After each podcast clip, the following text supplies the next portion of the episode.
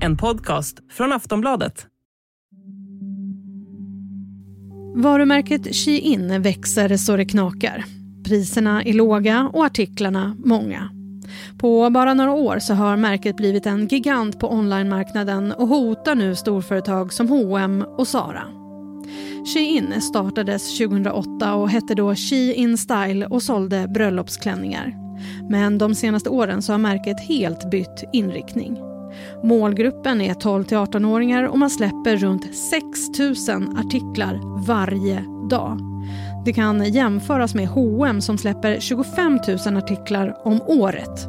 Shein släpper alltså 6 000 artiklar varje dag, något som fått namnet Ultra Fast Fashion. Genom sociala medier, framförallt TikTok, så har Shein byggt sitt varumärke starkare för varje sekund.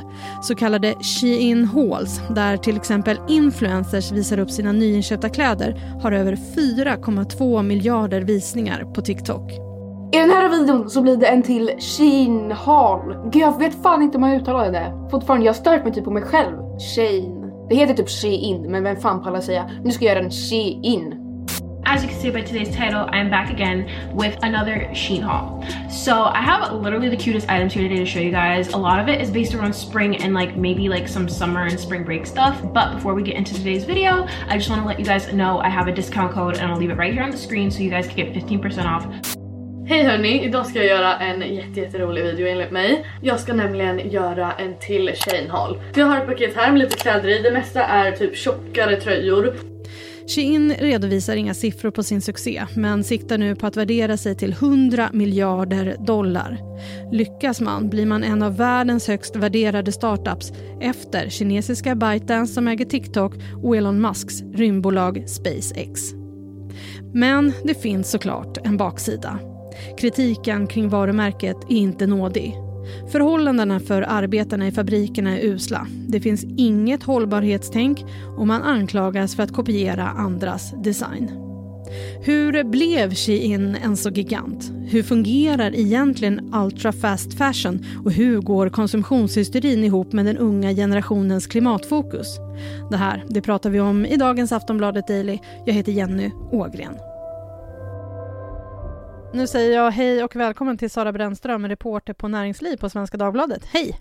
Hej! Sara, Shein har vuxit enormt snabbt. Varför är det en sån succé?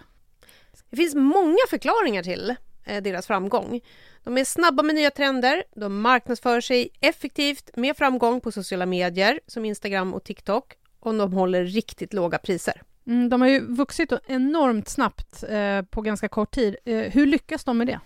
De har ju lyckats attrahera eh, köpare i generation Z som eh, gillar att hänga både på TikTok och på den här Shein-appen. Eh, de bygger väldigt mycket på gamification, det vill säga små spel där kunden kan vinna kuponger eller rabatter. Och de jobbar med notiser och lockar in kunden tillbaka för att göra köp.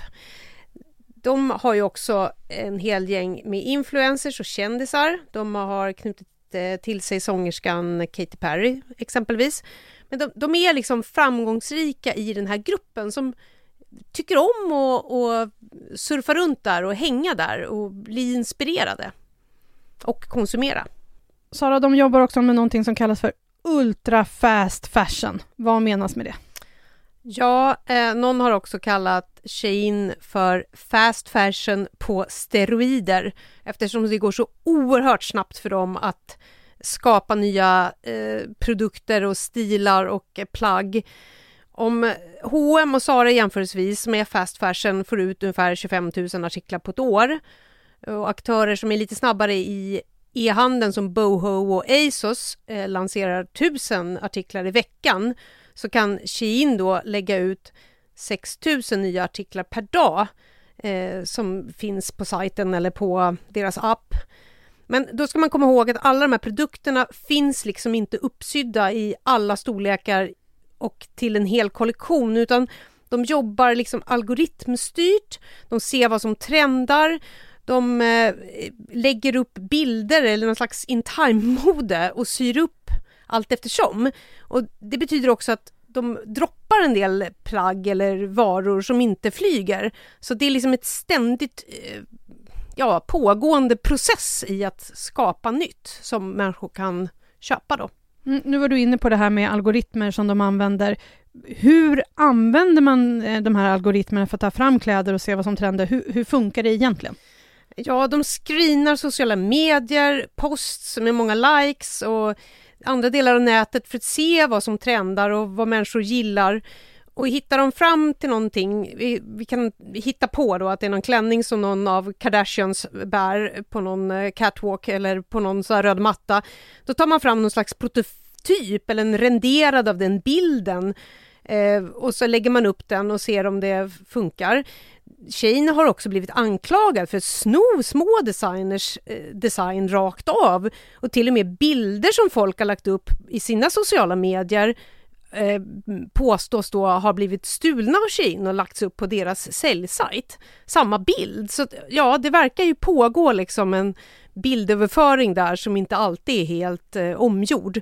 Men ja, jag kan ju inte säga att det här är inte kontrollerat, men, men det finns liksom anklagelser mot företaget att de jobbar så. Mm, vi ska komma lite mer till eh, kritiken mot företaget om en liten stund. Men de har ju sin stora målgrupp på TikTok eh, och ungdomarna får vi väl ändå kalla dem, målgruppen är mellan 12 och 18 år. De gör så kallade hauls. Sara, kan du förklara vad en haul är för någonting? Ja, alltså en haul är en video där tjejer, oftast är det då tjejer ändå, som packar upp visar eh, och klär på sig sina kläder de har beställt och pratar om dem och berättar hur de känns och hur de luktar och hur de har kostat och varför de är bra eller dåliga.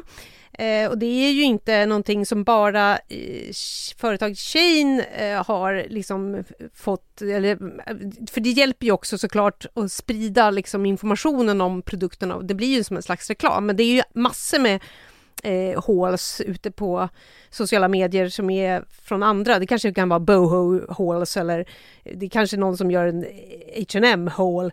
Så eh, det är ju inte något unikt bara för Shein. Men jag tror att det också finns en poäng i att visa liksom hur mycket man kan köpa för bara så här mycket pengar. Eh, det är någon slags eh, visa upp sitt byte-grej kan man säga. Eh, Shein har också någon slags program på sin eh, app eh, där man kan ansöka och bli en Shane-girl och då få pröva olika stilar. Och det man får då av att göra det här, det är väl någon slags rabattkod. Så att, ja, de får ganska mycket reklam i, i det här. Men de här så kallade hålsen, de riktar sig som sagt till ungdomar. Då kommer man också på ett sätt undan regler för reklam mot barn och unga. Vad kan Konsumentverket i Sverige göra mot det här? Jag har svårt att säga att eh, Konsumentverket skulle kunna göra så mycket eller någon annan myndighet eh, helst, eh, alls. Men det vi också säger att Shein är ju kinesiskt och eh, jag vet inte vad de skulle svara om svenska myndigheter hade synpunkter på hur de eh, får reklam eller hur den görs på TikTok eller om det är egenproducerad reklam eller ens eh, Katy Perry som gör reklamen. Um, och om det då läggs på TikTok så är inte det heller något svenskt. Så jag tror att det här är ju liksom en global, global företeelse som eh, svenska myndigheter säkert har svårt att komma åt. Sen vet ju inte jag vad det skulle innebära om de gjorde en granskning. Det, har väl inte skett. Sen kan man väl tänka att eh, ur konkurrenssynvinkel för svenska aktörer så eh, skulle de säkert se det här som problematiskt på ett sätt eftersom det är väl lite som med alla frågor när det blir globalt att vi har våra regler i Sverige och svenska företag som inte följer svenska lagar och regler blir lite uthängda och bespottade och det spelar ju egentligen ingen roll om det är klädföretag eller om det är jordbruksprodukter eller någonting så verkar man då på med olika regelverk och eh, ja, men det, det är väl en så sak som konsumenter kan bli medvetna om också. Aftonbladet Daily är snart tillbaka. Normally being a little extra can be a bit much. But when it comes to healthcare, it pays to be extra. And United Healthcare makes it easy with Health Protector Guard fixed indemnity insurance plans. Underwritten by Golden Rule Insurance Company, they supplement your primary plan, helping you manage out of pocket costs without the usual requirements and restrictions like deductibles and enrollment periods. So when it comes to covering your medical bills, you can feel good about being a little extra. Visit uh1.com to find the Health Protector Guard plan for you.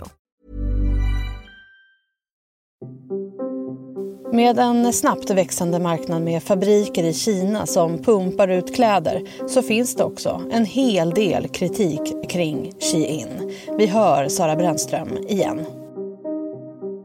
Det finns ju de som tycker att det är eh, besvärande med eh, bolag som bara driver konsumtionskultur som går ut på att sälja massor av billiga varor som kanske används ett fåtal gånger. Så det är klart det finns kritik mot det. Men sen finns det också en hel del konsumentklagomål eh, öppet i sociala medier med kvalitet som är usel, att passform inte är bra, färger inte är rätt återgivna eh, och sådana här eh, liksom, vad ska jag säga, praktiska saker med det man beställer. Eh, till och med de här tjejerna som gör hauls kan ibland ta upp det här att åh, den här tröjan är jättehärlig, eh, men den luktar konstigt, kanske lite kemikalier. Eh, man kanske säger att blixtlåser det här på väskan, den, den är inte fejk. Så att människor har inte heller jättestora förväntningar på att allting ska funka till de här låga priserna, för det är ju vansinnigt låga priser på de här sakerna. Um, sen finns det väl de som påpekar att kläderna inte kommer fram eller att de har svårt att returnera eller att de inte fått pengarna tillbaka vid returer. Och det, det där, det är ju också lite så med, även om det finns en svensk sida, liksom en, en Shein, så vet jag inte om de har ens verksamhet i Sverige eller att man kan nå företaget. Alltså det där är ju lite höljt i dunkel. Um, sen finns det ju såklart andra former av kritik som är lite mer på eh, produktionsnivå. Att, eh, att förhållandena i de här fabrikerna där kläderna tillverkas är usla och de har inte heller så goda Eh, siffror i sådana här eh, NGOs som jämför och eh, tittar på bolag, hur de verkar. Bland annat finns det ett index som heter Fashion Transparency Index de rankar världens 250 största modeföretag utifrån då sociala miljömässiga eh, aspekter och ser hur transparenta de är. Och här hamnar ju Shein i bottenligan och de har fått i senaste mätningen ett poäng och det kan man jämföra med H&M som befinner sig i toppen med 68 poäng. Och det handlar just om att man inte är så öppen och transparent med var man köper sin bomull eller hur man syr eller vad det finns för arbetsvillkor i fabriken och sådär. Shein riktar sig också, som vi har sagt, till en målgrupp som är miljömedveten ändå, måste vi säga. Hur går det ens ihop? Men det går inte ihop. Eh, och det ska man väl också komma ihåg att alla i generation Z är väl inte eh, lika brydda om miljöfrågor som andra. Eh, alla är ju inte Greta eller klarar att stå emot liksom unga vill eh, konsumera och köpa billigt och det finns en lockelse till lågpris och den är ju rätt stark. Som att eh, shoppa och uttrycka sig och en del liksom argumenterar ju också att ja, men andra kläder sys också i Kina och jag måste ju ändå ha kläder och det finns alla möjliga argument för att liksom vidmakthålla ett sådant beteende. Så det kanske inte är bara så konsumenten som som ska klara av att ta ansvar för det här, utan det kanske finns andra saker som behöver träda in för att det ska hända någonting. Har företaget ens ett hållbarhetstänk? Ja, det är ju väldigt svårt att säga. Det är ingenting de skyltar med i alla fall. Eh, de är överlag ganska hemlighetsfulla. De är privatägda. De delar inte med sig av siffror eller information om produktionen och frågor om hållbarhet, som jag sa, det kan ju bli en fråga att ta tag i. Ehm, så vi får se vad som händer där. De siktar nu på en ny värdering på 100 miljarder dollar. Det skulle göra dem till en av de allra största på marknaden, eller hur? Mm. Bolaget eh, ska ta in nytt kapital för att växa vidare och det verkar som att investerare eh, kan vara eh, redo att öppna plånboken de siktar då på en värdering eh, om cirka 100 miljarder dollar. Det här är uppgifter som kommer från Bloomberg eh, bara för någon vecka sedan. Och med den här kapitalrundan, om den går igenom, så betyder det att Shein värderas till nära dubbelt så mycket som Uniqlo, moderbolag, eh, och mer än H&M och Inditex tillsammans. Inditex är alltså de som äger Zara och Massimo Dutti och det spanska företaget som också är på börsen. Och vad skulle det innebära för marknaden? Vi vet ju inte heller hur mycket Shane växer vidare, liksom, eh, eller hur snabbt det går och, och så. Det, men Shane har ju blivit väldigt stort och på kort tid och det, det visar ju det här lite grann att eh, det är möjligt för dem att bli en stor utmanare med hjälp av en helt digitaliserad affärsmodell. Och eh, jag vet inte, experter som jag pratar med inom detaljhandeln eh, påpekar ju att det här är lite jobbigt då för alla i branschen. För att om det här bolaget har eh, vuxit så här snabbt, vad kan det då betyda Eh, för framtiden? Vad kan det komma för fler konkurrenter? Vad, vad, vad, bli, vad hittar de på och hur ska de jobba? Så det är, ja, det är väl det där som är lite frågetecknet. Sist här hörde vi Sara Brännström, reporter på Näringsliv på Svenska Dagbladet. Jag heter Jenny Ågren och du har lyssnat på Aftonbladet Daily. Vi kommer ut med nya avsnitt på vardagar så följ oss gärna i Aftonbladets app eller i din poddspelare så missar du inga avsnitt. Vi hörs snart igen. Hej då!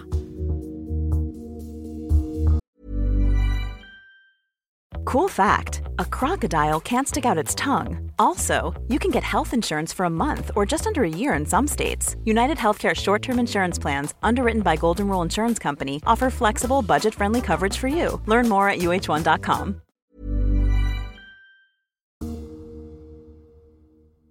Du har lyssnat på en podcast från Aftonbladet. Ansvarig utgivare är Lena K Samuelsson.